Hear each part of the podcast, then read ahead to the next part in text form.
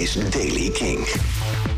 Het is donderdag 22 oktober. Er is veel zon vandaag. Af en toe een wolkje in het noordwesten en zuidoosten is de kans op een kleine bui in de middag. Temperatuur tussen de 14 en 18 graden. Nieuws over Arcade Fire, Youngblood en nieuwe muziek van Architects. Dit is de Daily Kink.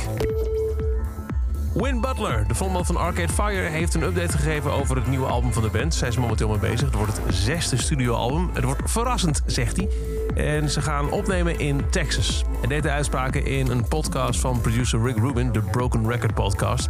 En hij zei, ja, we zijn van plan om tijdens de verkiezingen naar Texas te gaan om het volgende album op te nemen. Eerder al vertelde hij dat hij een, uh, al een jaar bezig was, de band, aan het schrijven... totdat de coronacrisis begon. En dat de extra downtime door lockdown wel een stortvloed aan creativiteit heeft opgeleverd. 13 november. Op die dag zou Weird uitkomen, het tweede album van Youngblood. Met een paar weken uitgesteld tot 4 december. Omdat vanwege de coronacrisis er vertraging is opgelopen in de vinylproductie. En Architects hebben een nieuw album aangekondigd. Op 26 februari verschijnt For Those That Wish To Exist. Op het album staan duetten met drie bekende mensen. Simon Neil van Biffy Clyro doet een beetje mee. Winston McCall van Parkway Drive. En ook Mike Kerr van Royal Blood is te horen op het album. En er is een eerste single, die heet Animals.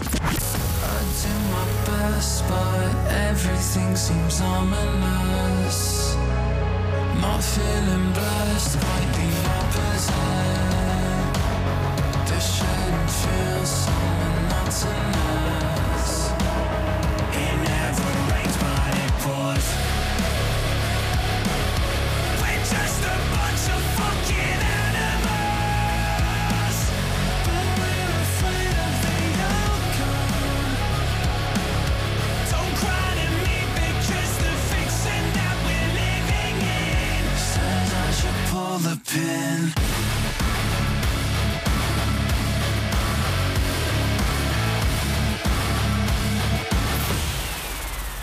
De nieuwe van Architects Animals. In februari dus een nieuw album. En tot zover de Daily Kink. Elke dag een paar minuten bij met het laatste muzieknieuws en nieuwe releases. Niks missen. Luister dan dag in dag uit via de Kink-app, kink.nl of waar je ook maar naar podcast luistert. Elke dag het laatste muzieknieuws en de belangrijkste releases in de Daily Kink. Check hem op kink.nl of vraag om Daily Kink aan je smart speaker.